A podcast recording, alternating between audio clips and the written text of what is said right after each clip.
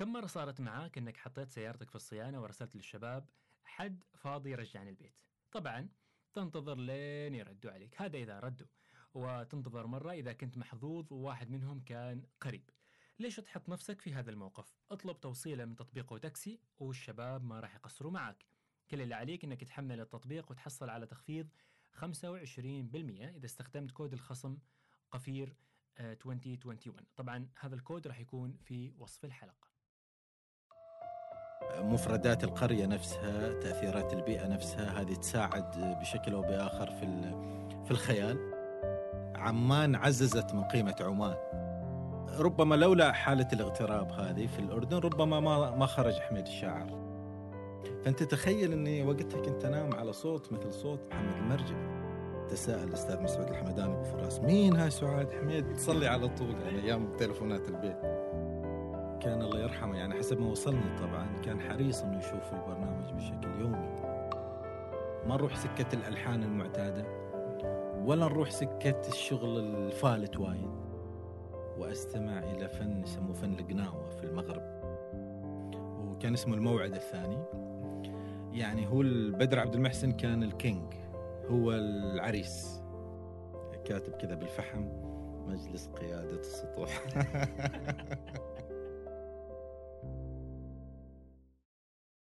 أهلا وسهلا ومرحبا آه، أصدقائنا في آه، قفير. اليوم حلقة جديدة آه، مختلفة مع ضيف خطير ضيف جميل ضيف مميز يعني دائما يقول السهل الممتنع حتى في في كلامه يعني صحيح إنه في أشعاره وقصائده المغناه يقول السهل الممتنع لكن أيضا في حديثه يعني يعطيك يعطيك الشيء ال- القريب منك. آه، ضيفنا حميد البلوشي آه، الغني عن التعريف آه، إعلامي وشاعر ويعني يعني كذا خليط جميل جدا. آه، كان معنا اليوم في آه، في في بودكاست قفير وحلقة آه، إن شاء الله ستنال آه، رضاكم وإعجابكم. آه، تكلمنا عن آه، مختلف آه، المواضيع عن تعدد الشخصيات لحميد البلوشي ال- الحالة آه، الشعورية والمشاعرية اللي عاشها في الواصل وسيوح الدوحة عن آه، مهرجان الأغنية عن الحالة الغنائية في السلطنة عن آه، أمسيات اشتغل عل- عليها مع يعني مع مع نجوم كبار طلال مداح البدر بدر عبد المحسن وغيرها من من الأشياء اللي اللي تح- تحدثنا عنها خلال هذه الدقائق. ما أطيل عليكم. كالعادة آه، هذه هذه الحلقة آه، ستكون آه، جدا جميلة آه، عندما تشاركوا فيها يعني من تحبون من أصدقائكم وأحبابكم آه، حتى يستلهموا ويستمتعوا ب- بهذا الحوار. مع حميد البلوشي. حبيبنا يا حميد. الله يحييك حبيبي. مساء الخير. مساء النور والسرور. كيف الحال؟ والحب والعطور كلها إن شاء الله يا رب. يا تمام رب إن شاء الله يا رب. آه، فترة طويلة. إي والله. متى متى بادين نسرق حميد تتذكر؟ آه قبل كوفيد يمكن؟ قبل كوفيد كانت المرة الأولى. okay. ما صارت. okay. بعدين صارت في السنة الماضية شهر تقريبا تسعة أو عشرة. okay تحافظ أحسن مني. وقلت لي إيه. بتجي في نهاية 12 إيه صح. صح لا؟ صح. وبعدين ما صار وبعدين ما صارت وصار العيد أيوة صار إيه. العيد وخبرتني إن إن أنا ممكن أكون جاي على ال- ممكن ال- تكون جاي، بالضبط. إيه. إيه. لذلك انت كنت من اول أوائل الناس اللي آه، على طول أرسل لك voice message أقول لك أنا موجود ترى. اديت الأمانة حبيبنا حبيبنا هذه بالنسبة لي واجب. ما, توصف صراحة. واجب يا سامي حياك الله واجب معنا في بودكاست قفير والواصل إيه نبدي منها توكل روح؟ من وين من وين تريد تبدأ من الوصل في أشياء حلوة في الواصل إيه. كيف أثرت فيك الواصل؟ آه، تأثير الواصل أنا دائما أصفه آه، هو بتأثير بدية بشكل عام أكبر.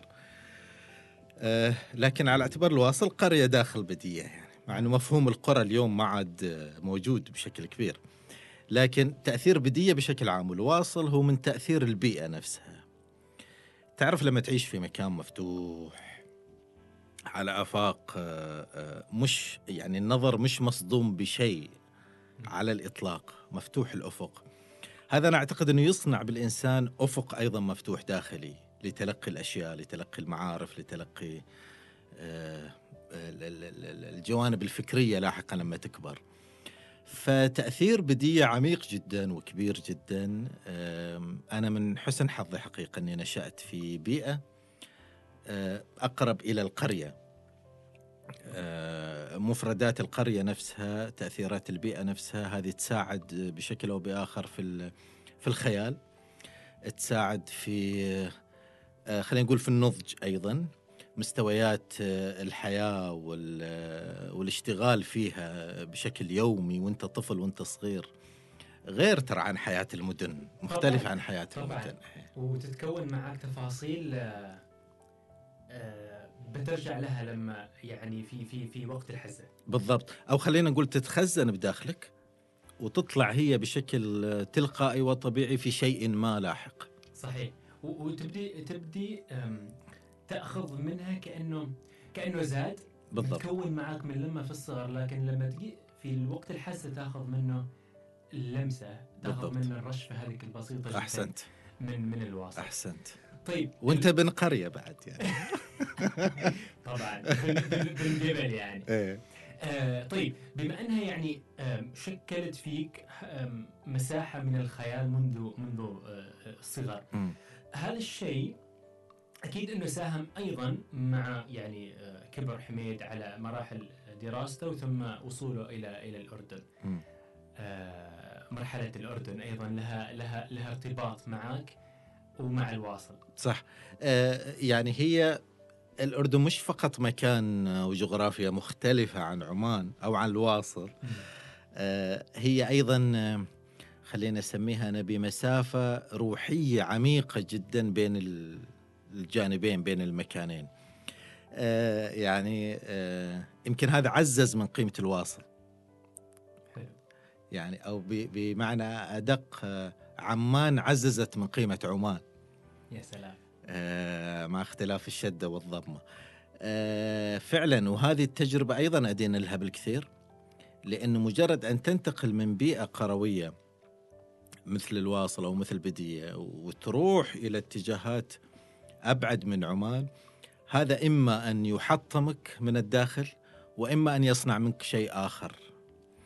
وأعتقد ولله الحمد إنه أنا صنع مني شيء آخر لم يحطمني. يمكن مجال التحطيم فقط في الجاب أو في في في ال- في الفجوة هي السنين الأولى للاغتراب لحالة الاغتراب هذه. لكن كانت في الأردن. اللي كانت في الأردن. لكن ولله الحمد يمكن بشكل أو بآخر أيضا تراكمت وفعلت آه، فعلها وعمايلها وخرجت بشكل أو بآخر يمكن في شكل شعر في شكل خيال في شكل ثقافة معينة فكر معين اتجاه معين. ممتاز. طيب آه، هنا شيء بالشيء يذكر يعني آه، بما أنها آه، يعني مثل ما مثل ما ذكرت إنه صحيح إنها هي بقعة جغرافية لكن يمكن روحا عمان وروحا الواصل تكاملت بين بين بعضها وأعطت لمسة مضافة للمرحلة اللاحقة من بدايات حميد. آه، خلينا نقول في بداياته اللي نتكلم في جانب الشعري نتكلم عن الجانب الرياضي آه، نتكلم حتى عن جانب الخيال الخيال مم. الكتابي مم. اللي اللي مم. برز عند عند حميد منذ بداياته يعني بالضبط آه ال ال الأردن هي اللي أشعلت ال- الفتيل والفتيل اللي أشعلته بطبيعتها كبلد وبطبيعتها كاغتراب كحالة اغتراب أنا أذكر في مرات يعني لما كنت أرجع لبدية والواصل وعمان في الإجازات مثلا من أول سنة الإجازة بين الفصلين أو بعد نهاية العام الدراسي الجامعي يعني أنا كنت أحاول أني آه، آه، أشرب آه، من المناظر في عمان قدر ما أستطيع. وخزن قدر ما أستطيع لأنه أنا عارف إني مقبل على رحلة شتاء قاسية وقارسه يعني ببياض ثلجها وبردها القارس هي الأردن يعني وقارسه بطبيعتها الدراسية أيضا الصعبة اللي أنا توهقت فيها في تخصص الاقتصاد. فكأنت كأني أحاول إني املى المسامات املى الرموش املى الإذن املى الأنف بكل الحواس هذه العمانية وأخزنها كزاد معاي في الرحلة القادمة اللي تمتد لمدة سنة. في لقطة لا زلت أذكرها يعني وفي مرة من المرات من حالة الاشتياق هذه اللي هي تتعدى الجانب ال- خلينا نقول اللا ملموس إلى الملموس فعلا. أنا أذكر جيت آه، وركبت البيك اب على طول. في آه، بيك اب الشايب الوالد الله يرحمه. آه. ورحت إلى العروق إلى الرمول. وكان فترة عصر أو شيء كذا من هالقبيل. ففسخت الله يعزك يعزك ويعز السامع النعال وقمت أمشي حافي. كنوع من محاولة التواصل مع هذا الرمل اللي أنا اشتقته لمدة سنة كان تقريبا أول إجازة هذه بعد الدراسة في الأردن. فهذا بس يعطي دلالات كذا حسية ملموسة مباشرة إنه إيش قد المكان هذا بالنسبة لي كان مهم. وفعلا ربما لولا حالة الاغتراب هذه في الأردن ربما ما ما خرج حميد الشاعر. أنا أقول ربما لأن هي تفجرت هناك فعلا. بشكل أو بآخر. اشتعلت أكثر. إيه وربما أنا موعود بالاغتراب بعد يعني. أيوة. إيه. أحس إنه أنا يعني أشعر إنه في بعض الأشخاص كذا ترى. بعض الأشخاص إيه. اليوم يعني يخرجوا في هذه الحياة وهذا يمكن أيضا لدى البعض يعني يؤمن فيها في مسألة إنه هذا خلاص قدري في الحياة. بالضبط. أنا اغتراب خلاص اغترابي يعني.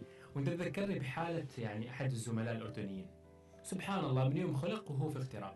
يعني تتكلم عن أمريكا اللاتينية اشتغل فيها مم. تتكلم عن آه، الخليج اشتغل فيه مم. تتكلم عن آسيا اشتغل فيه وأسأله إلى اليوم أنت ما ما تريد ترجع يعني إيه، إلى إيه. قال أنا خلاص تعودت خلقني على الاغتراب تعودت. الاغتراب إيه إيه. إيه تصير مم. تصير لكن ترى الأقصى من اغتراب المكان هو اغتراب الروح هذا هو الأقصى يعني آه، ياما ناس في أوطانهم هم مغتربين في الحقيقة آه، فأرواحهم مثل ما ذكرت إن إيه آه، في كثير من آه، من الأرواح عايشة في أوطانها بس هي تحس بحالة اغتراب.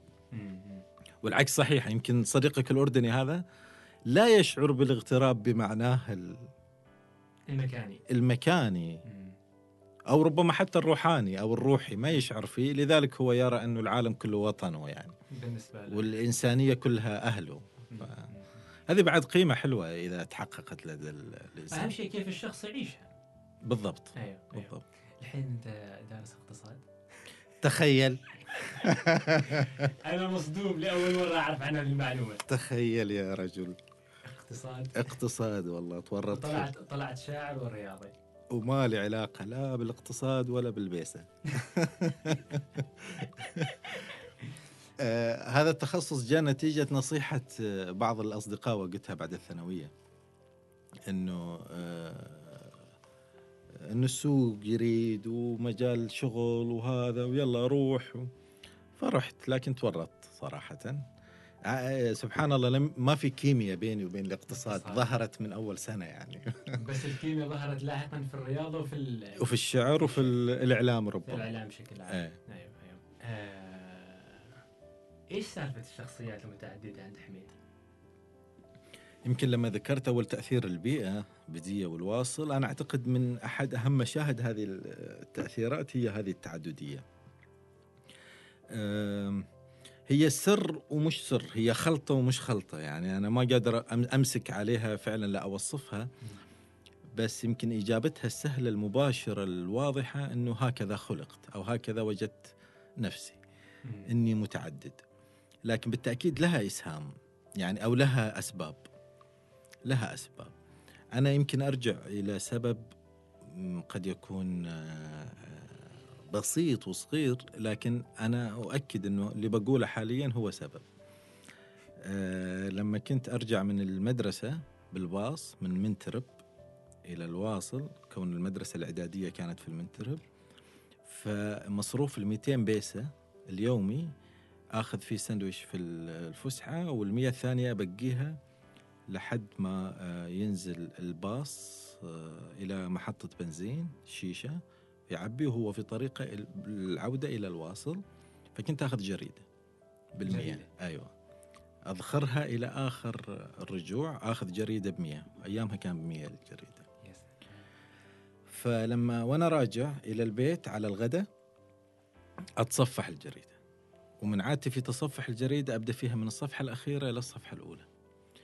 فأنا ليه أقول لك في ربط بالتعددية بالجريدة هذه؟ بالرغم من أن معناها بسيط. أنه الجريدة تحوي كل شيء. كانت تحوي رياضة وسياسة واقتصاد ومقالات وشعر وتحليل وتقارير ومنوعات وكل شيء. فأنا أعتقد جزء من بذرة التعددية أنه اطلاعي البصري واطلاعي المعرفي البسيط أيامي أيام الإعدادي أو الابتدائي كان قائم على فكرة التعددية هذه تنتقل من إلى. أعتقد جانب آخر ساهم في التعددية هي الإذاعة. كنت أستمع وأنا صغير إلى الإذاعة بشغف وبشدة لدرجة إنه كنت أنام على الإذاعة. والمؤشر أشر يعني يمر علي وأنا نايم. إلى اليوم ترى على فكرة صوت المؤشر مال ال AM وليس ال FM إذا طولت أسمعه يجيني تجيني حالة نعاس. لأني كنت أنام عليه أساسا. هذه يبي لها بحث علمي. يبي لها. إيه. في مجال شلون الأصوات تأثر على الإنسان وترتبط بطفولته. ف هذا كان في الأيام الإعدادية. هذه كانت حتى قبل الابتدائية والإعدادية. يعني الليل أنا نوم الليل لازم يكون على الإذاعة. أيام هذاك المذياع القديم؟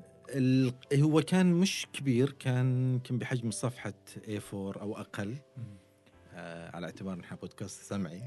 مش بصري فلازم نوصف. آه وكان من الجلد البني عليه غطاء وبالحجر يشتغل بالبطارية يعني. فأنت تخيل إني وقتها كنت أنام على صوت مثل صوت محمد المرجبي. ولاحقا بعد مضي السنين يصير هذا الصوت أستاذ وصديق. شيء غريب يعني أنا ما ممكن أتخيل في يوم من الأيام هالشيء. إنه صار لك يعني انها شيء إنه تحقق هذا الشيء تحقق غير, غير طبيعي أنا أحس. ولا أنا اخترته يعني. من من الأسماء غير أستاذ محمد المرجبي؟ محمد المرجبي، حسن سالم الفارسي. أوه. آه طبعا خالد صالح الزجالي. ليه كبر نفسه الحين أبو محمد؟ زين يسمعني. آه وايدين منى محفوظ المنذري. ما شاء الله هذا الجيل الجيل اللي, اللي تربيت أنا على إني أسمعه. هذه أيضا لأنه الإذاعة عبارة عن مجازين مجلة فيها كل شيء تسمع فيها كل شيء. فأعتقد هذا اللي من كل شيء شيء كون التعدديه كونت التعدديه بالنسبة لي هذا تحليلي الشخصي قد لا أكون يعني طيب. موفق فيه بس أعتقد كذا. سعاد. من إيه. جبتوها هذه. آه، بعدها حيه والله القوام عند صاحب سعاد. عافية عافية. آه، سعاد شخصية وهمية. هذه واحدة من إنتاجات الشخصية إيه إيه. كانت محاولة إيجاد حركة في الساحة الشعرية في ذاك الوقت في الأردن. أنا أتحدث حاليا عن 94 95 في ذاك الوقت. فأنا بطبيعة الحال كنت راسل جريدة عمان آه، لأنشر الشعر. والزميل والصديق مسعود الحمداني الله يذكره بالخير كان هو المشرف على الصفحات. فطقت في بالي إنه طيب يا حميد تعال نلعب لعبة فيها عيارة. تكتب باسم نسائي وخلي الساحة تولع. خصوصا لا سيما في ذاك الوقت إنه عناصر النسائية الشعرية كانت قليلة شوي ومش بالجودة الكثيرة. فابتكرت هذا الاسم وكتبت سعاد قصيدة. وقتها كانت قصيدة يعني فجرت الموقف لأنها كانت متجاوزة حبتين وجريئة. اسمها لا قلت افهم. ما أدري تريد تسمعها؟ اظنها أظني موجودة معي بالنوت. اظن أظني موجودة معي بالنوت. لا قلت افهم. إيه. لقيتها. فيقول أو تقول تقول الرغبة اللي حضورها يربك البال. خجلة يداريها حيا وجه ودم. أنثى وفيني للمسا حاجة وصال أنثى ولا أدري هالمسال إيه أبكم. أفرض حبيبي للعطر رقة الشال وأفرض حبيبي للنظر نشوة الضم.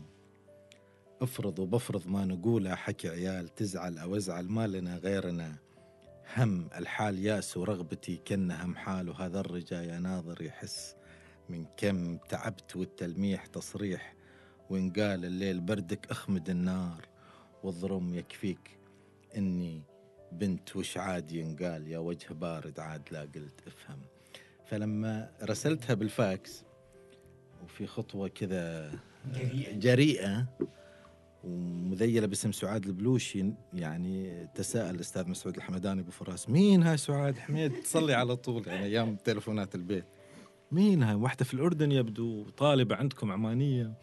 يا أخي ناشرة يعني راسلة نص خطير وقوي و- وشاعرة متمكنة قلت له والله ما أعرف يعني وايدات ترى يعني في يدرسن وطالبات. اللي يدرسن فاستمرأت اللعبة واستمرت اللعبة حبيتها يعني مم. اللعبة فصار انه حميد ينزل قصيدة وسعاد تكتب قراءة نقدية في القصيدة يا سلام وتضرب حميد ضرب يعني قراءة نقدية فيها ضرب فيها مدح وفيها ذم.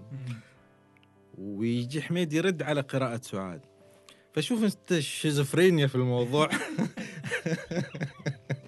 أنا أنا جالس أتخيل يعني قوة صبرك على إنك واحدة تقلدك يعني. انت تكتب شيء تقلد أجلد نفسك. في نفسي وأرد بعدين عليها ف يعني مجنون أنا اسميه حالة كذا بذرة عيارة حالة جنون إيه. هذه فريدة من نوعها يعني إنه آه، إنك تكون شيء آه، خيالي وهمي تكتب وترد وتكتب وترد بالضبط، هذا. الشيء يساعدك أيضا أكثر أنت في يمكن كنت في البدايات يعني إنك تساعد نفسك فيها على إنك تقوي أكثر بالضبط تحلل تأخذ وتعطي وهذه على فكرة عملت حركة حلوة في الساحة يعني صار في الناس الشعراء يتساءلوا ويكتبوا مم. يعني صار في نوع من الحراك يعني. المهم أنا اعترفت بالخطيئة هذه.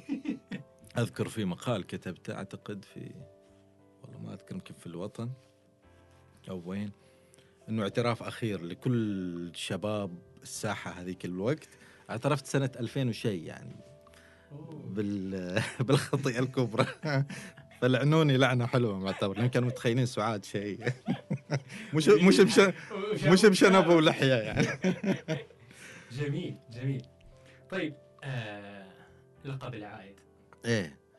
العائد آه، لقب أيضا فيه من عيورية آه، آه، سعاد شوي لكنه له ظرف موضوعي خلينا نسميه.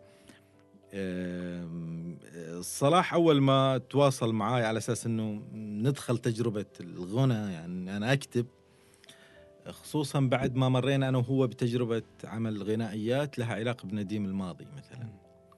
بجي إيه فحس إنه هو إنه حميد يقدر يعطيني في مساحة هذا وأنا كنت وقتها يعني كاتب قصيدة ولست كاتب أغنية. فكنت حقيقة متخوف من التجربة إني أنا أدخل باسمي الصريح. والاسم متحقق بشكل أو بآخر في الساحة الشعرية وقتها في في السلطنة. فكنت متخوف من إني أدخل تجربة الغناء وما تطلع الأغنية حلوة يطلع الكلام ركيك يطلع المعنى بسيط خصوصا من شاعر كان يتعاطى ما نقدر نسميه البعد الحداثي في القصيدة. الشعبية الشعرية فقلت له خلينا نمررها بالعايد يعني. ونمشي حالنا فيها ونشوف التجربة إذا حبيت بنعلن بن- بنسوي بنعلن. وبنسوي اعتراف ثاني ومشت كانت بدايتها في عسى ما يوحش غالي. أوه.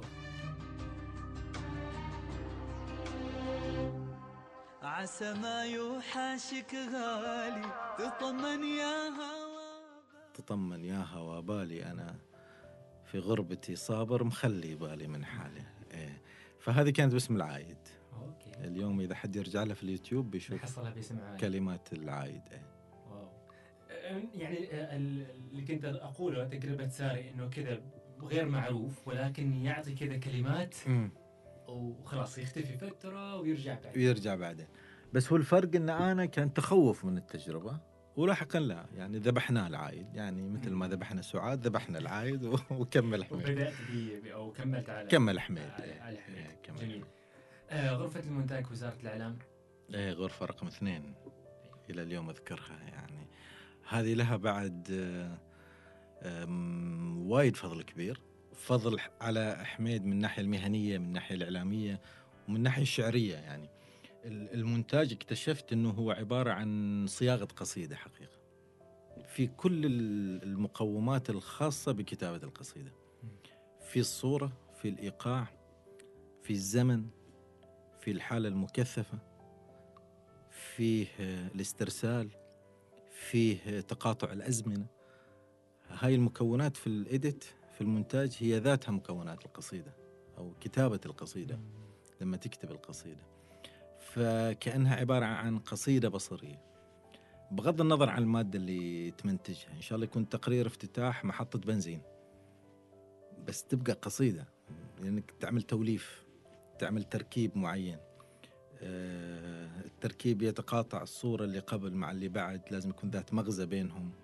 في ارتباط في وحدة موضوعية في موسيقى background في في cut في dissolve في effect فأنا أعتقد برأيي هاي كلها مقومات كتابة القصيدة بالأساس.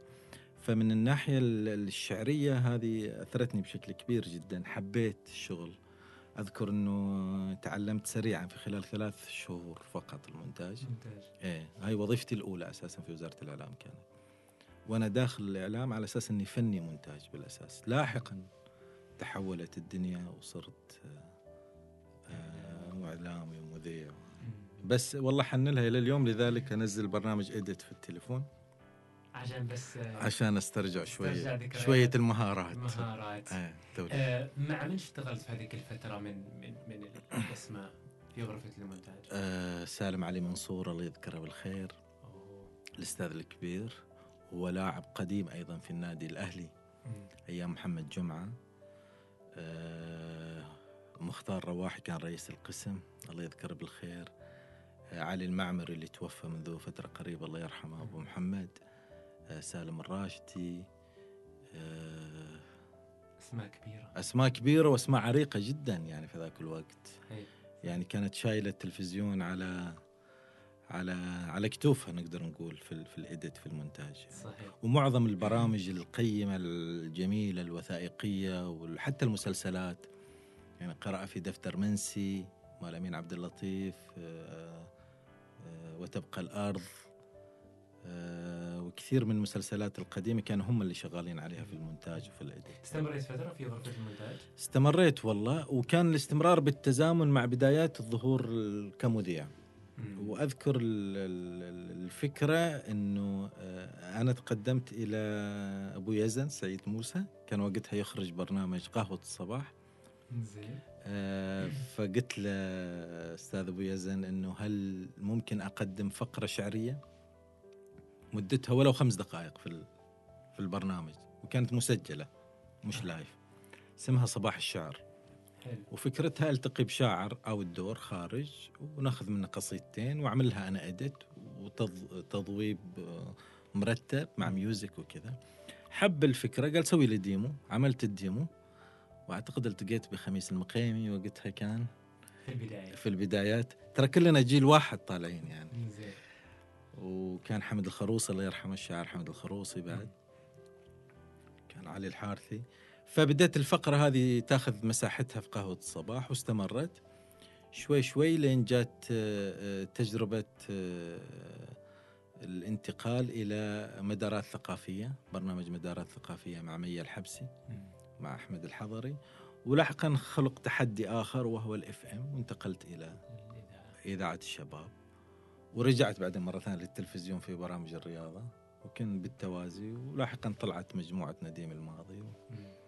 و2006 طار الرجال طار خلاص. طار الجناح. رجع إلى إلى بداية الغربة. إيه. اشتاق إلى الغربة. استوطن شوي وقال خلاص قال خلاص يلا غايب. قال خلاص غايب. أذكر في مرة نسيت كاميرا رقمية في تاكسي وأنا مسافر. وللأسف إني ظليت متحسر على ضياع آه، الكاميرا وإني ما قدرت أسترجع آه، الصور آه، المميزة والثمينة في هذه السفرة. الموضوع ما كان بيحصل لو كنت مع تطبيق أو تاكسي. سيارتهم نظيفة والسائقين معهم مدربين على كل آه، هذه ال- الحالات. وأهم شيء إذا نسيت أي غرض في سيارتهم راح يرجع لك بدون أي خوف. رابط التطبيق في وصف الحلقة آه، كل اللي عليك إنك تنزل تطبيق أو تاكسي وتستخدم رمز أو آه، كود الخصم قفير آه، 2021 وراح تحصل إن شاء الله على تخفيض ب 25% على توصيله. حميد انت يعني المعروف آه، عنك خلال خلال فترة عملك طبعا في الإعلام إنك طلعت كنوز. كنوز في ذاكرة آه، الناس. يعني. فبرامجك كانت كانت بالنسبة للناس ذاكرة. okay. thanks شكرا والله. يعني أنا أنظر هذا ال- هذا التوصيف بكثير من الحب وكثير من الامتنان والشكر. لأنه مش شيء سهل إنك تصنع ذاكرة في في أذهان الناس. آه، فما أعرف إيش أقول. أخجلتني والله صدمتني. يا سامي. ما قلت هذا بالعكس هذا الشيء اللي تستحق فعلا. عليه. الله يسلمك الله يسلمك. شكرا. يمكن لأن الناس افتقدوا أو أو كانت هذه المساحة شوي مفقودة في في التوثيق الخاصة خصوصا بالشعر الشعبي. وبمساحات الشعر الشعبي. على اعتبار أن عمان عفواً، مليانة بالكنوز وكانت وما زالت وستبقى مليانة بالكنوز والكنوز في كل جانب تقريبا يعني مش في جانب معين فقط. آه، فيما يتعلق الجانب التراثي والوصف اللي وصفت فيه الاشتغالات البسيطة اللي اشتغلتها في ذيك الفترة لما كنت في التلفزيون يمكن لأن غطت هذا الجانب أو أبرزته طلعته للعيان بالنسبة للناس وهو جانب الموروث الشعبي آه، ب- بلسان وبتجسيد أصحابه. قال من تراث أول نديم الماضي دايم بفن عادل وقاضي. آه، فيمكن هذا اللي علق في أذهان الناس كثير لأنه كان آه، هالشيء منهم وفيهم وبينهم يشوفوه ويلامسوه وما طلع للتلفزيون في يوم. ما برز للناس انه يطلع لك شايب لحيته بيضة عليه تجاعيد سنين وعنده حكايات وعنده أشعار وعنده إيقاعات وعنده مخزون محتفظ فيه في ذاكرته من يوم طفل صغير ويقابله شاب ويستنطقه ويضحك معاه ويكون مثل ابنه. ويمشوا مع بعض ويجوا مع بعض ويقعدوا. هذا الشكل كله هو أثر في أذهان الناس. أعتقد من هالجانب صار التأثير إلى جانب مثل ما قلنا التأثير ال- اللي له علاقة بال بالمخزون نفسه إنه برز وطلع. فشفنا عمان من مسندم لين صلالة بفنون بلبس. كان هذه نقطة تعمد يعني إنه أدرج اللبس وأروح كل منطقة وألبس لبسها يعني. حتى التمصيرة نفسها تكون تمصيرة البلد. ال- ال- الولاية. الولاية أو الإقليم الجغرافي. المحافظة اللي تزوره إيه. فهذا كان لأنه كان قريب من الناس وربما كان مفقود. والحمد لله الحمد لله إن قدرنا يعني خلال آه، موسمين ما يقارب 60 حلقة رمضانين إنه طلعنا شيء من موروث عمان وما زال فيه الكثير ما زال ما زال فيه الكثير. آه، لك نيه إنك تسوي شيء جديد. آه والله حاليا مجال العمل آه في قطر يعني ماخذني بشكل كبير صراحة. الأفكار كثيرة والمشاريع كثيرة بس يخلص كأس العالم ويصير خير بعدين. الحين أي واحد في قطر تقابله يقول لك بس يخلص كأس العالم بعدين. بالضبط لأنه صار صار يعني هذا الحدث المنتظر لكل الناس. صحيح، آه، صحيح صحيح. آه، مشغلة عليه إيش اسمه هذا؟ العداد أو ال- الرزنامة والتايمينج. بالضبط. إيه، إيه، إنه كل. شيء عندهم بال- بالوقت. بالضبط أيوة، بالضبط. أيوة. يعني متبقي سنة فقط فنسأل الله التوفيق في المرحلة القادمة. ومثل ما قلنا ربما بعد آه، انتهاء الملف وكذا نسلم العهدة على قولتهم في الشغل. آه، إن شاء الله ممكن نطلع بأفكار كثيرة تكون متاحة. حلو حلو. آم، يمكن آم، واحدة من الأشياء اللي ارتبطت بالناس وكذاكرة على على غرار النقطة اللي ذكرتها قبل شوية.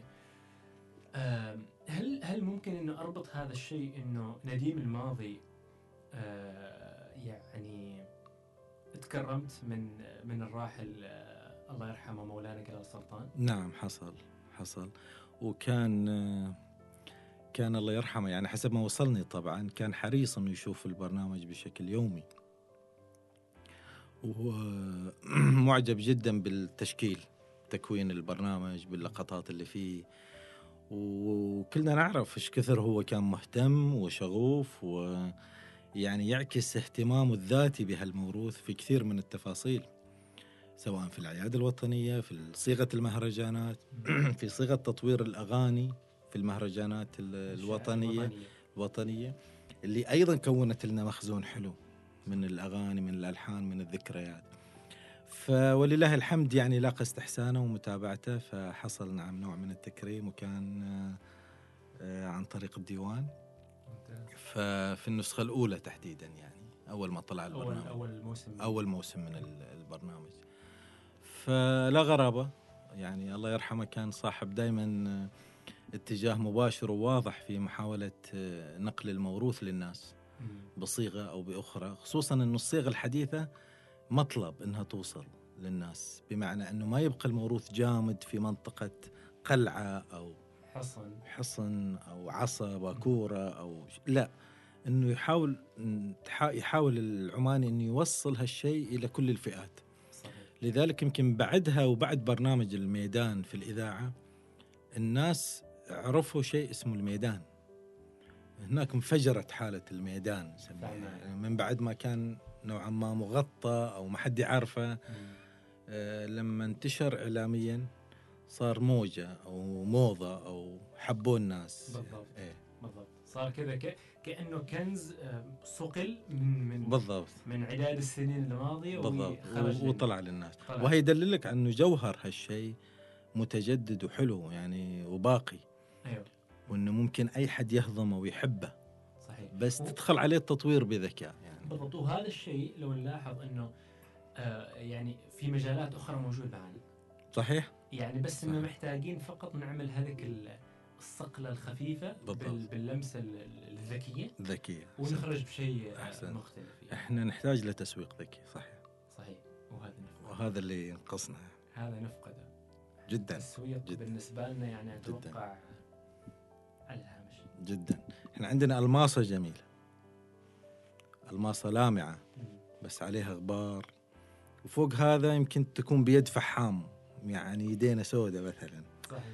فكيف تطلع هذه الألماسة تبرزها للوجود حتى تشع كل في اتجاهها يعني. صحيح. هذه هي عمان واكبر من الماس بعد. أي والله. يعني تروح والله. تبقى والله. لكن أنا ما زلت مفعم بالأمل يعني مش من المحبطين على فكرة. ولا نحن. إيه. بعد ما زال يساورني الأمل. إيه في في ناس. قادمة في الطريق. صحيح صحيح. على قولة آه، صديقنا وحبيبنا محمد الغريبي آه، مسكين اللي ما مع عمان إيه إيه والله. صحيح. برنامج رمسة. إيه. مع الأستاذ والحبيب آه، أبو يزن. لا أستاذ خالد زجاج خالد. إيه إخراج أبو يزن. إخراج أبو يزن نعم سيد موسى آه، رمسة إلى جانب برنامج كان له علاقة أيضا بمهرجان الأغنية مم. وبرنامج آخر أيضا له علاقة ب بويش يا ربي بمهرجان العود الأول اللي هو أيضا أحد اهتمامات صاحب الجلالة بالنفس الله يرحمه آه هذه كلها من المحطات اللي أنا شاركت فيها على اعتبار إن آه خلينا نسميها برامج مناسبات. وفعاليات فلها علاقة بأجواء الإنترتينمنت لها علاقة بأجواء الموسيقى أو الغناء أو الفن. ف يعني شاركت فيها مشكورا يعني سعيد موسى وبيزن. دائما هو سباق في التقاط الوجوه الجديدة وقتها وال... اللي اللي طالعه الحين دائما يحتضنها. فكان له الفضل العظيم بهالجانب ومع أبو محمد طبعا طيب بما أنك ذكرت يعني ما يتعلق بمثلا ما يتعلق بالمهرجانات اللي هي تتعلق بالأغنية. وغيرها موقع الأغنية العمانية مم. ويعني طبعا هذا ال هذا ال ال- الموقع اللي هي فيه حاليا مع التوقف اللي صار يعني إحنا لاحظنا لو يمكن انت اكبر يمكن ذاكرة مني في هذا الجانب كانت معنا حالة من النشاط مم. المهرجانات الوطنية ومهرجان العود مهرجان. الأغنية مهرجان الأغنية وغيره ثم. بعد ذلك صار معانا كذا كأنه حد آه هذا اللي هو الباب السحابي جو. قفله قفل إيه والله شوف بموضوعية أعتقد لها كذا جانب المسألة أم، يمكن متعلقة بالجوانب الاقتصادية لابد لأن عهد الوفرة وعهد البحبوحة المالية أعتقد أنه ولا أه، ما أريد أقول إلى غير رجعة ولكن الظروف واضحة بالنسبة للشارع وللكل أن إحنا في مرحلة شد الحزام على قولتهم. وهذه بطبيعة الحال تتطلب أم، البنود الخاصة بهذه الأنشطة إن لم تتقلص فتتوقف. وهذا يأثر أكيد يأثر على المناشط هذه كلها. صحيح. الجانب الآخر وهو جانب آه، خلينا نقول آه، آه، الم- المتعلق بالصيغ نفسها. يعني أنا أعتقد اليوم لو رجع مهرجان الأغنية العمانية ما أدري هو وصل للثامن أو للسابع وتوقف. لو رجع اليوم مرة ثانية ما راح يؤدي شيء. عالم اليوم بالنسبة للأغنية وإيصال الأغنية للآخر وصناعة الأغنية ومطبخ الأغنية اختلف عن السابق. آه، المهرجان أصبح من الأدوات القديمة اللي ما ممكن تصنع لك نجم وتوصل لك نجم غنائي لبرا. إذا كنا إحنا ندور على مفهوم صناعة نجم غنائي بيد حكومية ليس بيد الفنان نفسه بيد حكومية فالأدوات اختلفت. لذلك أنا إطلاقا مش مع عودة المهرجان. آه لكن الحالة الفنية في المناشط أعتقد أنها باتت تنعكس في شكل من أشكال آه موسم الأوبرا يعني. تحولت المسألة من. إيفنتات ومهرجانات مني ومنك إلى صيغة ثابتة في جدول الأوبرا لكن الظروف الحالية طبعا قاعدة تمنع أنه هالشيء يصير آه وأتأمل وهذا ليس نقدا للأوبرا أتأمل أنهم أيضا يتقدموا خطوات للأمام في مفهوم ال event نفسه يعني خلينا نضرب على سبيل المثال حرام دار مثل الأوبرا السلطانية إنها ما تتبنى عمل ضخم مسرحي استعراضي غنائي في show في ملابس في غنى في ثراء ومجاميع ويكون قصته وال story تبع عماني من الموروث صح. في شعر عماني في إيقاع عماني تسمع في وجوه عمانية ويصير هذا استعراض مدته ساعه ساعة ونص ويرتحل حول العالم يوصل عمان لبرا. حرام دار الأوبرا ما تتبنى مثل هالجانب. المشروع عندي بالأدراج بالمناسبة. أنا شوف قاعد أروج. له القصد انه يعني مجرد إنه الدار تكون مسرح لحفلات فنية فقط مع تقديري للفنانين اللي جو واللي راح يجوا أعتقد هذا يقلل من قيمة الدار ولا يرفعها. بالعكس يرفع من قيمة الفنان إنه غنى في دار الأوبرا لكن هذه الحفلات مستواها مستواها مسرح المدينة. مثلا أو مسرح المروج في صلالة مثلا أو مسرح الكلية الفنية. أيوه. أما الأوبرا لا يع... لابد من صياغة أفكار عروض خاصة بشكل الأوبرا. تكون منطلقها عماني نكهتها عمانية إيقاعها عماني روحها عمانية مدموجة بعنصر تسويقي ذكي حديث. هل هل في هذه الناحية حميد يعني تشوف إنه ال- البعد الاستراتيجي مفقود؟ وهذه نقطة، النقطة الثانية هل لأنه هذا منهج وسياسة أو أو أو إني خلاص أنا أمشي عليه وإن شاء الله يبارك إني أنا أجيب آه، مغنين وأستضيف وانتهى الموضوع أو إنه غياب الجرأة إنك تخرج خارج هذا المنهج، يعني هو مش كتاب منزل من فوق. وتمشي عليه لازم. والله ممكن يكون الثلاث الأسباب اللي ذكرتها مجتمعه حقيقة أنا يعني ما عندي احتكاك بشكل شخصي لكن إذا الأوبرا من متى مفتوحه اليوم؟ نقول أربع سنوات يمكن خمس سنوات تقريبا. الأوبرا السلطانية. إيه. فترة. أكثر من أربع إلى خمس. طيب إذا إلى اليوم ما جات في فكر المسؤول المباشر عن البرامج العربية مثلا؟ لأنه في نوعين من البرامج الأجنبية وهاي. إحنا already قاعدين نشوف سابقا قبل كوفيد قبل الدنيا قاعدين نشوف إنه في فرق أوروبية تجي تستعرض النمط الأوبرالي الأوركسترالي الضخم بقصص آه، أوروبية موجودة يعني سواء من إيطاليا من النمسا من إنجلترا من هولندا من أستراليا. فإذا كان يمر قدام عينك هالشيء أنت كمسؤول. وما يجيك فكرة تخلق شيء عماني أيضا ترتحل فيه وتعرضه بشكل سنوي يكون في season 1 season 2 3 4 ومتعدد كل سنة ينطرح بشكل مختلف. كل مرة بثيمه. فهذا معناته إنه خيال هذا المسؤول لم يصل إلى مستوى إنه يكون يتذوق النقطة الفنية في الموضوع. ربما هو إداري بس لكنه مش مش فني. ما اشتغل ما لمس هالإحساس ما شاف هالشيء أو شافه بس ما جاء في باله. فغياب التخطيط الاستراتيجي أنا أشوف إنه واضح مش يعني واضح إنه موجود الغياب الكلاسيكية الطرح والاتكاء على نقطة والله فنان مع تقديري لكل الفنانين الكبار اللي مروا على الدار لكن تبقى هذه عروض مسرحية عادية تقدم في أي مسرح. حول أي هنا هنا لا هنا غير هنا صيغة. أنا أكاد أثق انه المشروع لما كان في ذهن صاحب الجلاله الله يرحمه ما كان بهالشكل ما كان بهالصيغة لا لا, لا, تقام عليه مثل هذه الحفلات. تجي الفنانة الفلانية مع فرقتها وتغني. الناس يحركوا تلفونات لا. هنا لازم تطرح قيمة كبيرة. هنا عندك مثلا أنا أعمل سيرة ذاتية آه، لأبو مسلم البهلاني. شعرا غناء وترحالا بين عمان وزنجبار. أدخل قصة في قصة. قصة. قصة درامية. بالضبط. مليانة. مليانة مشاعر مليانة. مليانة أحاسيس. أحاسيس. ومليانة تقلبات. ومليانة اب وداون صحيح. يكفي آه، قصيدته لما آه، نزل مطر في زنجبار بالضبط. واستذكر آه، تلك البوارق. مرنان. فما- تذكر إيه بالضبط. تذكر الأمطار في عمان يعني في في الجبل أو في في, في الداخلية. فلا لا عندنا صور مذهلة إحنا في تاريخنا. وما وما يعني يعني مش هو هذا المثال الوحيد معانا. إحنا عندنا بالضبط. عندنا سير كثيرة. بالضبط. يعني وهذه حتى يعني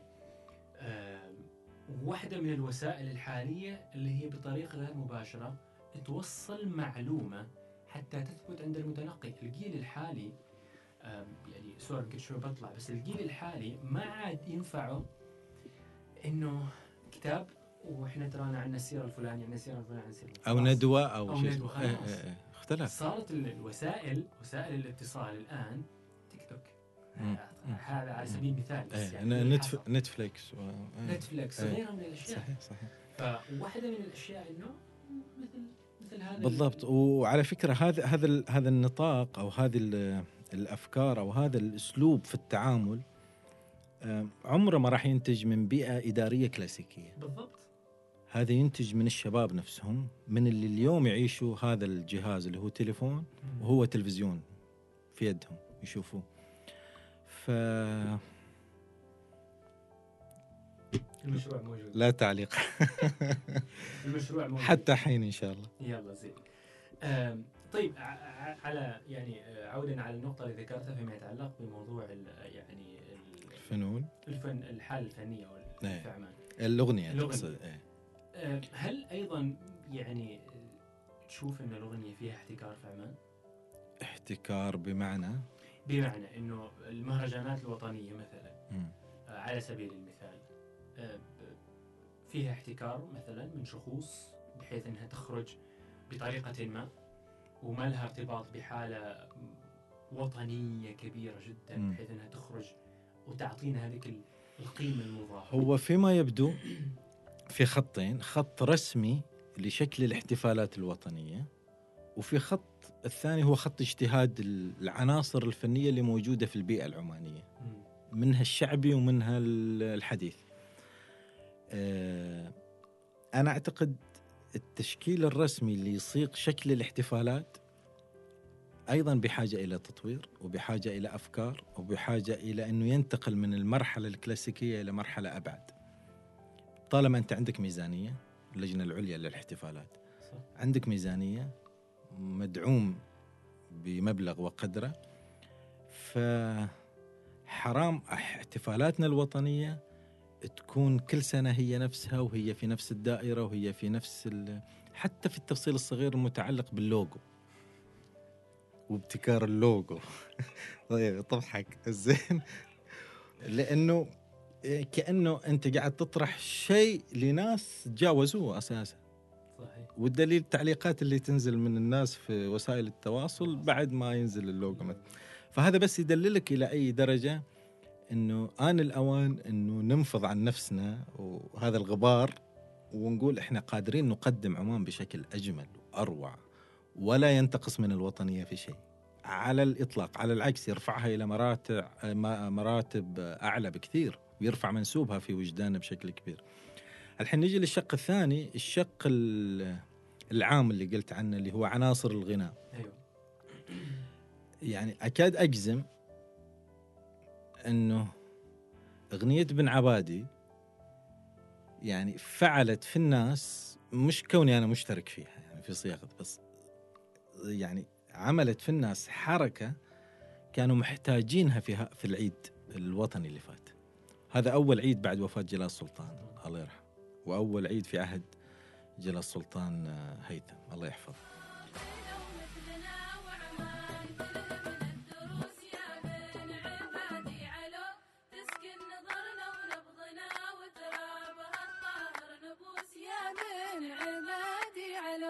فالناس كانوا في حالة بين حزن على رحيل رمز وبين استشراف لمستقبل جاي فكانوا بحاجة إلى جرعة فرح.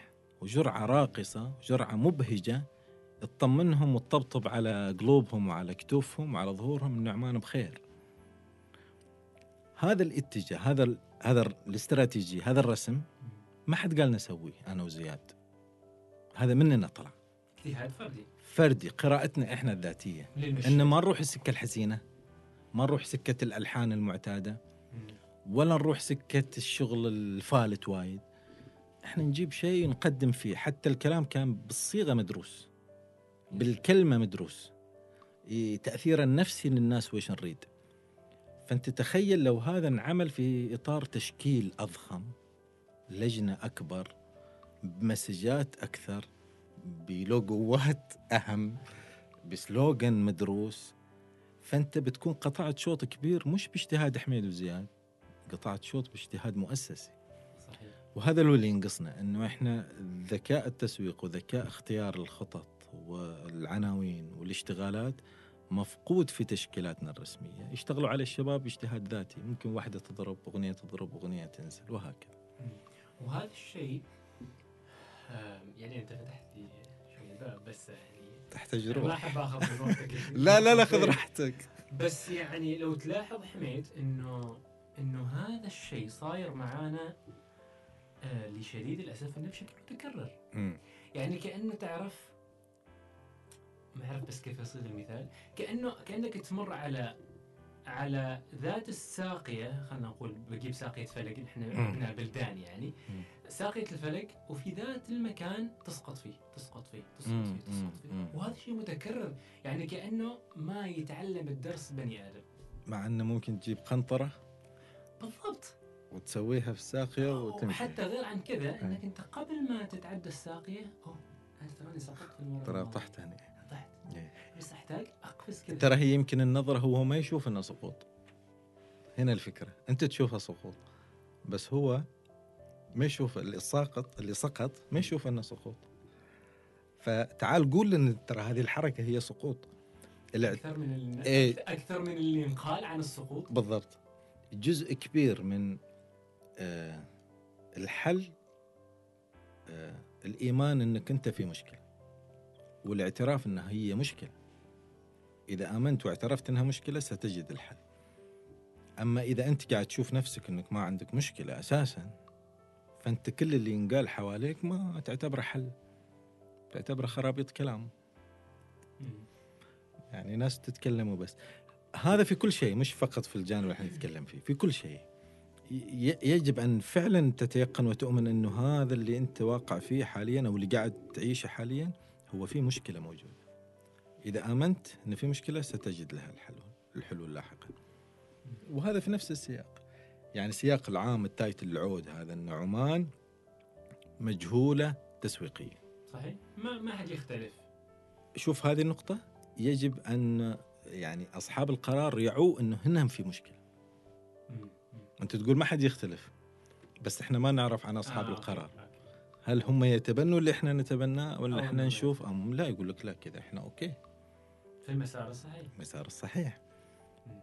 فوقتها ما ينفع ال-. في فارق في فارق في فارق. والله نتأمل. في في مسار. يعني هالكلام اللي قاعدين إحنا نقوله اليوم بشكل مباشر وينذاع للناس ويسمعوه هو جزء من يعني جزء من حوارات تصير وايد وموجودة في المقاهي في الشارع في المجالس في البيوت في الواتساب. في الواتساب في تويتر في كل مكان. فهو جود إنها تبقى منتشرة وموجودة لعل وعسى إنها تنسمع في يوم بإذن ذكية وإذن محايدة وإذن آه، مش تكون مقفلة الباب على أفكارها فقط. صحيح. وتع شوف يعني آه، أنا ما أتوقع إنه إحنا ينقصنا يعني ينقصنا فقط يعني يعني ينقصنا إنه ممكن يستمع لهذه النقطة ما ما أتوقع ما لا لا ينقص ما ينقص لا ينقص صحيح ولا ينقصنا حتى غياب الكفاءة ولا غياب القدرات ولا غياب صحيح شيء. صح إحنا اللي ينقصنا أنا أنا أشوفه بصراحة الجرأة إنه هذا الرمز ايا كان الرمز أنا ما أتكلم عن رمز واحد مم. يجي يقول والله أنا سأتبنى هذه الجرأة مم. بجيب سين صاد من الناس أنا معاكم اشرافا اداريا مم. فنيا تقنيا تكنيك أنا طب. ما بدخل طبختكم طبختكم صح أنا بدخل معاكم من بعيد لبعيد صح إحنا هذا اللي محتاجينه صراحة خلال الفترة ال- يعني آم، أتفق معك يعني بشدة من, من الماضية وحتى الحالية أتفق معك ليش؟ لأنه كل خبز بخ... يعني كل خباز يعرف كيف ترغ... يعني يخبز خبزته. الحلوة الجميلة. هذه فإنك إن آه، تجي تأخذ آه، المخبز والطحين وكل شيء وتقول والله لوك الخباز أنت اطلع من من المسار ما يمكن صح لأن اللي ينجح ال- المكونات هذه كلها في عمل ما معين هو نفس الشخص هذا اللي كان مشرف عليه مثلا يعني أو اللي اشتغل فيه لو جيت أنا قلت يعني آه، قلت لي يا حميد والله هذه مكونات خبزة سوي لي عجي- عجينة واخبز لي. إياها. حميد ما عنده خبر ما عنده دراية بالموضوع بس لو جيت مثلا لسامي يمكن أنا أطبخ يعني بس لو جيت تقول لي والله لوك هذه مكونات آه، عجين أخبز لي بخبز لك ليش؟ لأني أنا سنة سنتين ثلاثة أربعة صحيح. أخبز. صح حميد آه، 10 20 30 سنة يكتب شعر. حالة فنية استراتيجية إعلامية غيرها من الاشياء. فأنا بس أصيغ الأمثلة لي ولحميد عشان بس يستوضحها واضح. المستمع واضح واضح آه طالعه من فؤاده. نظرية الباراشوت. باراشوت؟ ذكرني فيها والله. تروح. فاتح ملفات اليوم من سعاد لما أدري وين. تروح بعيد وأنا محضر لك ترى أنا جاي كذا. على أيوة، على هذا عميان أنا يعني. أنا حتى تحملت اني ما ارسلك وعدتك أرسل لك. وأنا قلت لك لا ترسل لي. أيوة. إيه. قول تروح لي. بعيد عشان تجيب الغنايم. اللحظه هي لها علاقة بالباراشوت؟ أروح بعيد عشان أجيب الغنايم؟ بعد وضح لي أكثر معلش. طيب، مقفل بنرجع بنرجع لها بنرجع لها. طيب.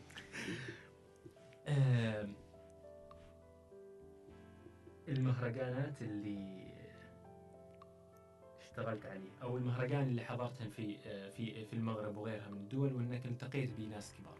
خلينا بما ان في نفس الحالة الفنية آه okay. أيوه. لا هذه كانت آه، خلينا نسميها حالة ذاتية في التغذية الفنية الموسيقية. حلو. يعني أنا أحب جدا ما يسمى في مصطلح الفنون والموسيقى فنون الشعوب. حلو. المرتبطة بالمادة الخام ال pure اللي ما ما دخلها يعني ما دخلها تحسين أو خلينا نقول تطوير مع ان أسمع للتطويرات لكن أحب دائما أروح للمواد الموسيقية من بيئتها. فأنا شغوف جدا ب- بموسيقى المغرب العربي. بشكل كبير. تحديدا ال ال ال الإيقاعات والأهازيج والآلات الداخلة في الفنون الشعبية. آه، فأنا أستمع وايد إلى فنون الطوارق آه، البدو الرحل في الصحراء الكبرى وأستمع إلى فن يسموه فن القناوه في المغرب. معروف في مراكش مدينة مراكش. فحضرت مهرجانات كثيرة شخصية يعني بشكل شخصي يعني. للاطلاع على هذه إيه. يعني أحب وايد هال ال- الفنون متعلقة بالإنسان دائما. ففن القناوه حقيقة مثلا من الفنون اللي شدتني بشكل كبير لأن خلفها أسطورة وخلفها رواية وخلفها تعقيد اجتماعي وتاريخي مرتبط بإنسان المغرب العربي وارتحاله من أفريقيا من عمق أفريقيا السوداء إلى أمريكا لما كانوا يباعوا كعبيد إلى آه، أمريكا آه، أمريكا الشمالية في زمان فكانوا آه، يتم جلبهم بالسفن فيقعوا في منطقة اسمها الصويرة تكون محطة استراحة. هذه اليوم الصويرة هي معقل هذا الفن اللي هو فن القناوه اللي أنت اليوم تسمع إذا سمعته بيوديك إلى حنين الافريقي المهاجر إلى أمريكا بالغصب. فيها شجن في فيها حنين فيها عذابات. فيها إيقاع سريع أيضا بالطبيعة الأفريقية وفيها أجواء جميلة. هذه كلمحة أنا ما أريد أطول على المستمعين ممكن إنهم يدشوا ويشوفوا فن آه، القناوه حلو. تأثرت جدا. بالتغذية هذه؟ جدا والله. أنا أحس أي تغذية موسيقية هي إيه، تؤثر في الشخص المنجذب للموسيقى بشكل كبير. إن لم تكن في اللحظة نفسها فهي في الداخل بتطلع لاحقا بشكل أو بآخر. يمكن هذا اللي خلاني بعد أكتب أغنية مغربية غناها صلاح. إذاعة صوت الخليج آه، نزلوها جلسة. آه،؟ هي من الاغاني النادره إحنا سجلناها مرة واحدة فقط حصريا لإذاعة صوت الخليج في قطر. اسمها يا ربي. لا آه، الاباس هلا بس الاباس هلا بس ويا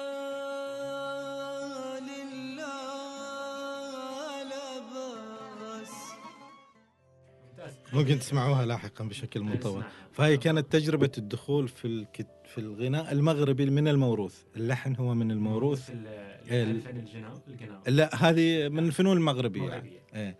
اللحن قديم لأغنية مغربية قديمة والكلام جديد أنا كتبته وغناها صلاح اشتغلنا عليها كت... حتى تجريبية كذا في الغناء. هذا يساعد آه لا والله هذه من ثمان سنوات. هذا يساعد المشتغل في المطبخ الغنائي بشكل كبير إنه يطلع على ثقافات الآخرين. الآخرين إيقاعات موسيقى تشكيلات صور بصرية في الأشعار أو في المادة. وهذه هذه النقطة اللي ينطلق منها أي صانع أغنية بالأساس. لأن لو بقى في اللوكل ما بيتحرك. ما بيتحرك. ما بي ما بيشعل فتيل الأفكار اللي صحيح. صحيح. تذكرتني الشيء بالشيء يذكر على سالفة التغذية. واحد من ضيوفنا آه، قبل فترة آه، اسمه داوود القلنداني مم. هذا داوود آه، إن شاء الله لو تيسرت الفرصة وتعود إلى عمان برتب معه آه، لقاء أنت وياه. okay. ليش؟ أتمنى داوود مولع بتذوق ال- ال- ال- الأغنية مم. تتكلم من إيران العراق جميل. الخليج آه، الشام مصر أفريقيا جميل يعني حتى أنا يعني هضمت حقه صراحة في حلقه في الحلقة هذه لأنه فعلا ما ما سبحنا معاه. عالم موسوعة جدا تتكلم عن أسماء مغنيين يمكن حتى أنا ما قال سمعت. من اسمه؟ داود القلنداني داود. لا ضروري. جدا داود. أدورهم دوارة مثل هذول لازم هذا لازم هذا ضروري. يعني لو لو سنحت الفرصة تعود إن شاء الله. هنا عمان جلسة معاه ما ما تكفي معاه يعني. فما شاء الله علي داود رجل كذا يبحث عن عن شيء متذوق. جميل. والجميل إنه ما فقط متذوق أيضا كذا أذنه يعني أذنه طربيه. فالمقدمة الموسيقية. الكلام. يدخل في كل شيء ويبحث؟ يعني من الكاتب الملحن الموسيقى من اللي عزف في الشيء الفل بالضبط يعني جميل. هي هي عوالم حلوة في اللي يدخل فيها لازم ما يبقي شيء من نفسه يعني بالضبط إيه. بالضبط وعنده شيء جميل صراحة داود آه، يمكن آه، كذا باخذ بثواني لكن داود يقول أنا ما أحب أتحيز لأغنية أو لمغني لأنه في النهاية الطرب يطربك من كل شيء مم. من أي وادي أنت تروح له من أي صح، حتة صح. بيطربك صحيح بس أنت كيف تستأنس بالأشياء هذه. يعني. كيف تتذوق تتذوق هذه الأشياء. آه زين شيء شيء شيء بالشيء يذكر بما انه في الوطن العربي آه أحمد فؤاد نجم أوه مجلس قيادة سطوح هذا أول ما وصلناه آه، في المقطم على قولتهم اللي هي المقطم. آه، مرتفع كبير معروفة في القاهرة. ف طبعا هو ساكن فوق السطوح فعلا. فوق فوق السطوح. أي شايفهم يقول لك شقة فوق السطوح. هو كذا فلين وصلنا بكاميراتنا ومعداتنا وال الترايبوت والحامل والدنيا. أنا ومية وأحمد الحضري لما كنا نصور مدارات ثقافية. فأول شيء لفتني على طول على طول عفوا في غرفته كاتب كذا بالفحم مجلس قيادة السطوح. آه، يعني كان آه، أنا أحمد الله على هاللقاء لأنه شخصية مثل أحمد فؤاد نجم بكل ما يعبر فيه من من جيل قديم جدا عاصر تقلبات السياسة في مصر وفي الوطن العربي وكان أحد أهم صناع الأغنية الثورية مثل ما يقال أو الأغنية الجادة السياسية يعني مع الشيخ إمام.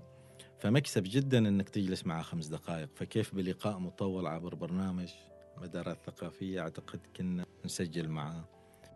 محظوظ إنك آه، رحت عند أحمد فؤاد. إيه جدا. يعني ساعتين آه، جدا. من. العمر صراحة. كنز. من العمر. وأذكر إنه وفي وقتها يمكن تقريبا 2005 مم. أعتقد 2005 كذا. فكنت أنا أسأله وين ممكن أحصل أشرطة آه، شيخ إمام. فهو كان يتكلم عن النظام المصري السابق نظام حسني مبارك. يقول بما معناه مش حتلاقيه. لكن أنا حجيب لك. في شباب عندهم تسجيلات فاجيب لك. لأن تدري شيخ إمام كان أغاني ممنوعة إلى فترة قريبة جدا في مصر للتداول. البحر بيضحك لي وأنا نلد العملة الأولاد. فشخصية ثرية جدا صراحة. آه النقاش أذكر يعني تفاصيل النقاش نفسه والحوار معه كان ثري جدا لأن كنا نتكلم عن آه، الشعر العامي المحكي. المصري. آه، تجربته هو مو بالسياسية فقط اللي أنتجت ثنائيته مع الشيخ إمام التجربة العاطفية أيضا. مم. اللي أنتجت كثير من القصائد غير المعروفة عن أحمد فؤاد نجم كشاعر. هو معروف عنه الحس الثوري السياسي الناقد اللاذع الساخر مثلا. فاللقاء كان جميل والله. وخاطري أرجع له أشوفه في بالعافية. مكتبة التلفزيون آه okay أوكي أيوه. طيب آه يقول واجد عنك عنيد حميد عنيد تتدخل واجد في الأشياء إيه، في الشغل يعني أوكي إيه. إيه. ما أدري هو عند ولا حرص يعني آه، أنا أسميه يمكن حرص أكثر مش عنيد بس آه، ما في نقطة عنت فيها. آه، وصارت إلا صارت ربحت فيها يعني؟ إيه، يعني قصدي وربحت فيها. مع أطراف العمل يا صلاح ولا غيره. زين. إلا طلعت نتائجها صحيحة. حدث؟ آه، حدث آه، يمكن حدث. وأعتقد أنا عندي هالملكة يعني شوية اللي هي آه، نوعا ما استقرأ الناس شو تريد. يقولوا عنك حساس أف- أفهم. ممكن ممكن أنا أنا هاي اكتشفتها وين اكتشفتها في آه، خلينا نقول لما مريت بتجربة ال FM. في إذاعة الشباب نوعية البرامج اللي كنت أقدمها والنمط والأداء والأفكار آه، كانت تشير لي إلى بوصلة إنه الناس تريد هالشيء يروح له يحبوا هالشيء يروح له فصارت بعدين مثل ال- آه، التمرين كذا الذاتي الذهني الداخلي لما جينا تحولنا إلى مجال كتابة الأغنية بما معناه ممكن أكتب لك أغنية تعبر عن حالة مجموع من الناس بس أنا ما عشتها. حكاية ناي مثلا أيوه.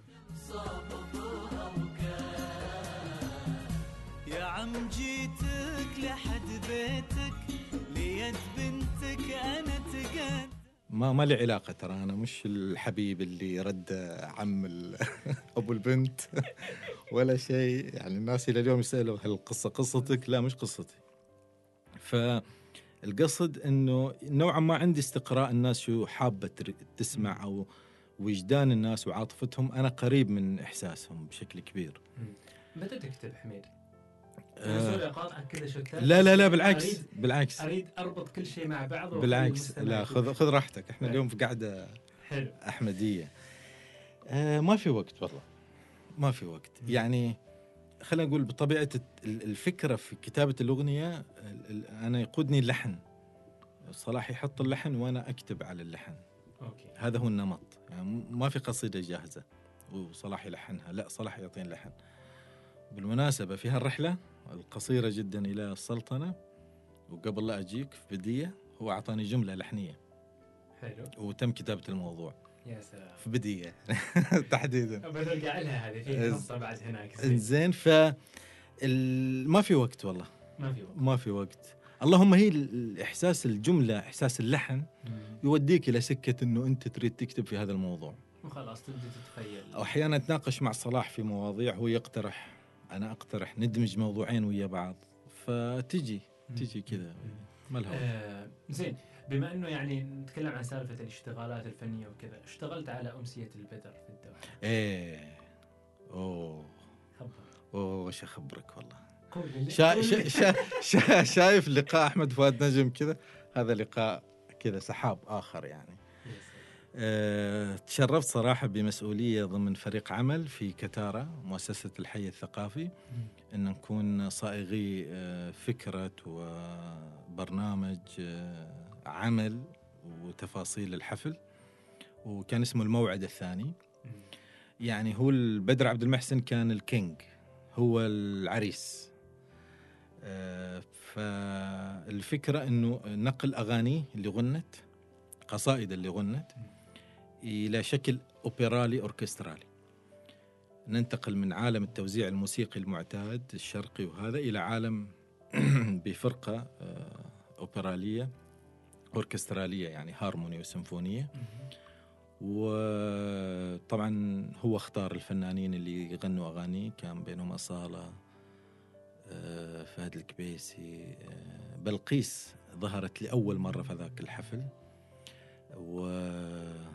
وماجد لا مش ماجد المهندس كاظم الساهر أعتقد.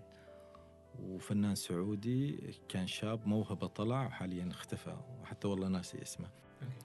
ليلة الموعد الثاني هذه كان اسم الفعالية الخاصة ببدر وهي إحدى أهم أغانيه الموعد الثاني غناها طلال مداح الله يرحمه إيه. فكانت آه، عالم جميل. يعني الدخول في تفاصيل ترتيب ال- ال- الليلة هاي بكل تفاصيلها البروفات الفرقة الموسيقية مع الفنانين آه، والجدول اللي حطيناه التنظيم. أذكر هنا اشتغل معنا الأستاذ الكبير خالد الشيخ أيضا. آه، لأنه هو لحن لإحدى أغاني أتراما لأجلك أنت أتراما. آه، اللي غناها فهد الكبيسي. في أغاني جديدة نزلت لأول مرة وفي أغاني قديمة تم إعادة توزيعها بشكل أوبرالي. أنا أذكر هنا الفكرة اللي طلعت فيها للحفل نفسه بعيدا عن الغنى كانت هي الفكرة هي مثل الغرفة آه، غرفة أوبرا موجودة في كتارة أوبرا مصغرة اسمها غرفة أوبرا. فكانت الفكرة أنا اقترحت على الأخوان أنه بداية دخول الناس كانت دعوات خاصة جدا هي ومصورة تسجيلا ولاحقا بثت فأول دخول الناس يدخلوا على آه، يعني عازفة قيثارة أو عازفة آه، آه، لا قانون. والعزف يكون لمقطوعات لأغاني غنت لبدر عبد المحسن من كلماته. صوتك يناديني على بعتذر على كثير من الأغاني الخالدة والداخل أول ما يدخل على جدران ال- الريسبشن القاعة لوحات بدر عبد المحسن مرسومة حلو. مطبوعة بشكل كبير وتحت كل لوحة بيتين من أبيات بدر عبد المحسن لهم علاقة بالرسم أوكي. لأنه كان ينتهج نهج الرسم ال- الحديث أو السريالي بمعنى أصح أدق التجريبي وليس الانطباعي. لذلك كانت رسوماته هي تشبه شعره. فاخترنا مجموعة من الأبيات اللي تماثل هذه. كانت هذه بالنسبة له هي صدمة صراحة انصدم أول ما شافها. آه، ما كان متوقع. هو على باله بيدخل على طول إلى المسرح وبيقعد وبيسمع يعني. فأكيد يعني تجربة كانت ثرية على نوعية الشغل نفسه التنظيم والأفكار مع التيم وأيضا الجلسة مع بدر عبد المحسن يعني. جلسة ما تنتسي يعني. وأذكر إلى اليوم إهداء الكريم لي في دليل الحفل نفسه محتفظ فيه إلى اليوم. أها. إيه فكان كتب كلمات طيبة ما أذكرها الحين يعني على على سبيل الذاكرة لكنها كان فيها مدح كبير جدا يعني اجله وقدره لهذا ال- البدر الجميل. محظوظ. محظوظ. جدا. من البدر يعني. جدا جدا والله. جدا. مما مما يعرف البدر وتلذذ يعني جدا جدا. يا أخي إنسان رائع. بعيدا عن أي تشكيل هو ممكن يحمله بس إنسان رائع. يشبه شعره فعلا يعني صحيح ولو تلاحظ يعني إنه كلماته هذيك ال- السهل ال- الممتنع ممتنع. نعم اللي مثل ما مثل ما يعمل حميد حاليا إنه مم. يلامس الناس اللي هم جالسين ينتظروا يريدوا مم، بالضبط آه، على سبيل المثال مثل ما ذكرنا أغنية بن عبادي مثلا إيه. إنه أنا مزجت بين حالة كذا والحالة كذا إيه، إيه. الجمهور إيه. يعني مدرسة مدرسة وأنا إلى اليوم متأثر فيه فلا غرابة يوم تقول إنه أنا أشبهه في هالجانب لأني متأثر فيه. مثل ما متأثر باشتغالات الرحابنة أنا في مجال الأغنية أيضا متأثر ب- بالبدر أيوة. آه طيب الس- السؤال هنا أيضا بما أنك تحب تلعب ثنائي one two إيه. يعني بس مشكلة ميسي مش أي واحد يلعب معه ما بيعيبهم المدريدين لا تجيب الطار الحين ما بيعيبهم لا يكون منهم أنت. لا لا okay. أنا, أنا صفك يعني. okay. صفك. حبيب حبيب.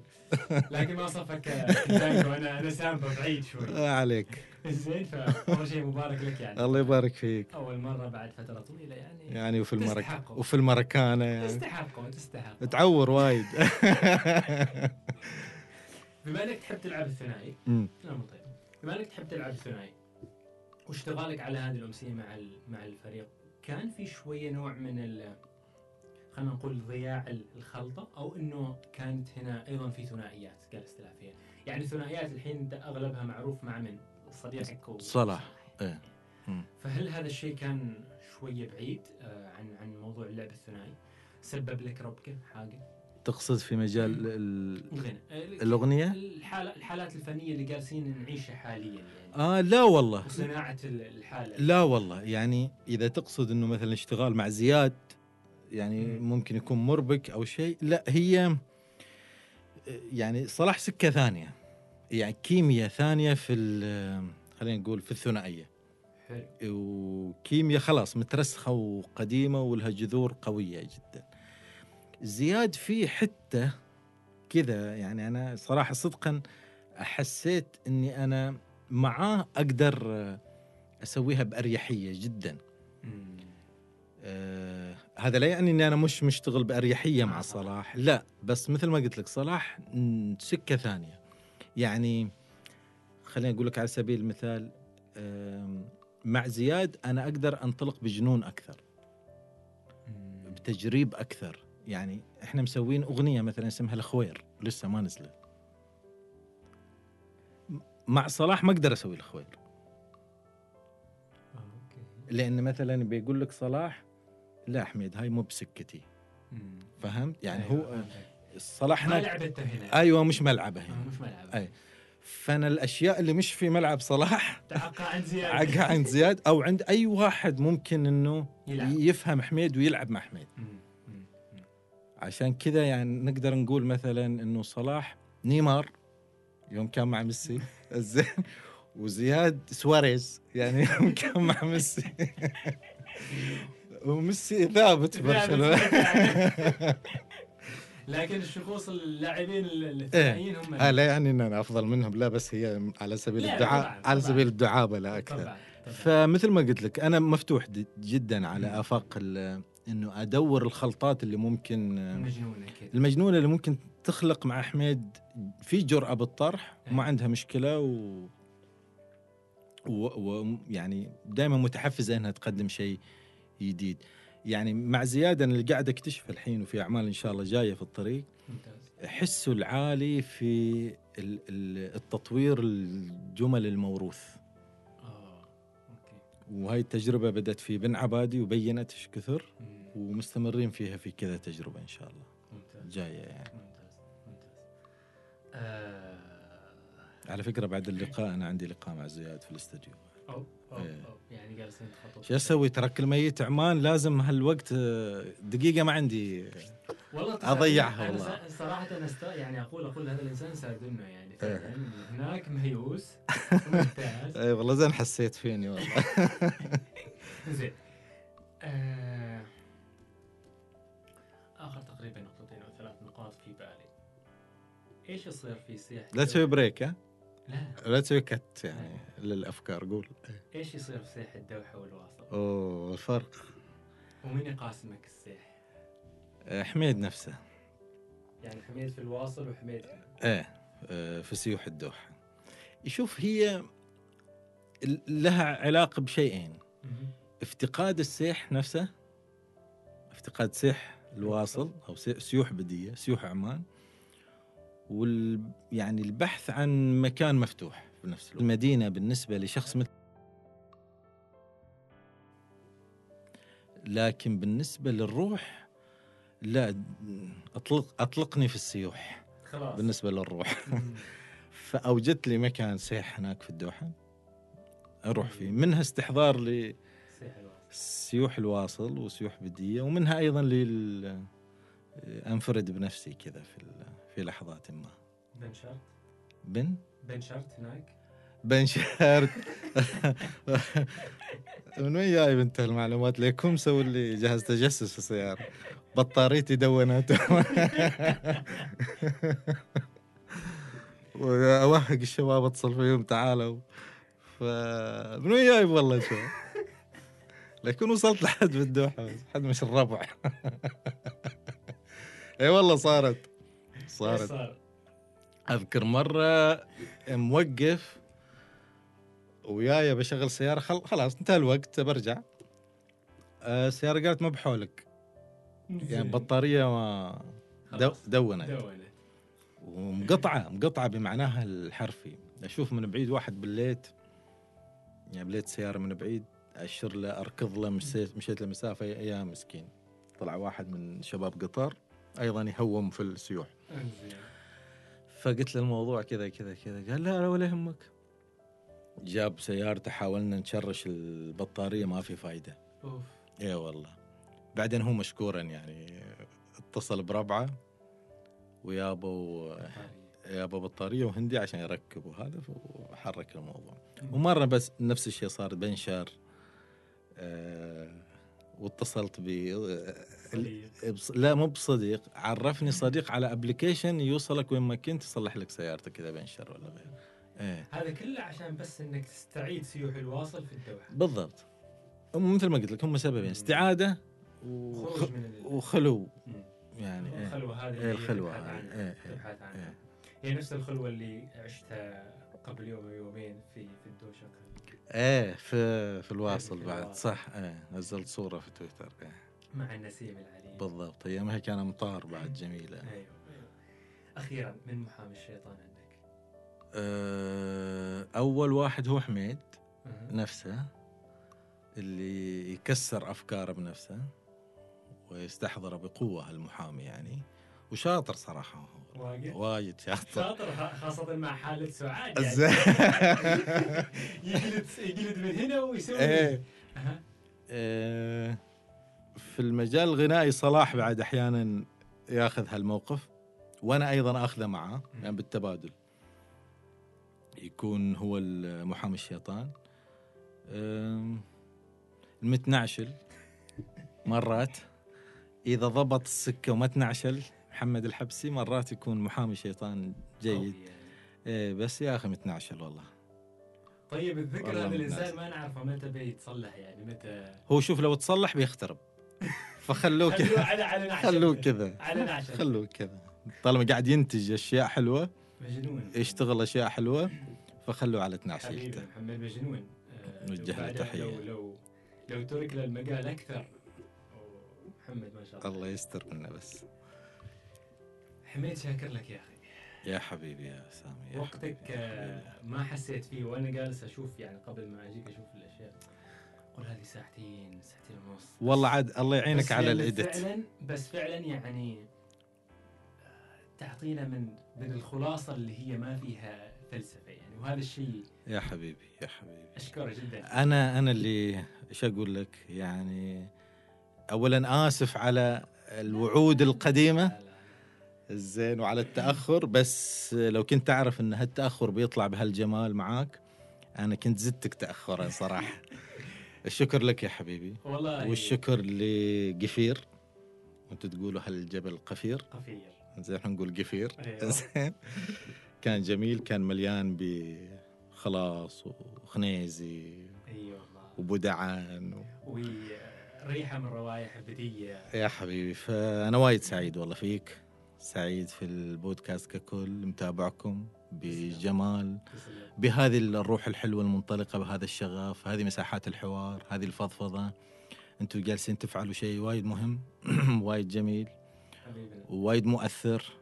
وأتمنى ما يصيبكم أي شذرة من الإحباطات آه، القريبة ولا البعيدة وتستمروا وتكملوا. إن شاء الله. وحقيقة صدقا وليس مجاملة ولا دبلوماسية من أجمل اللقاءات اللي أنا أخذتها في المجال الإعلامي.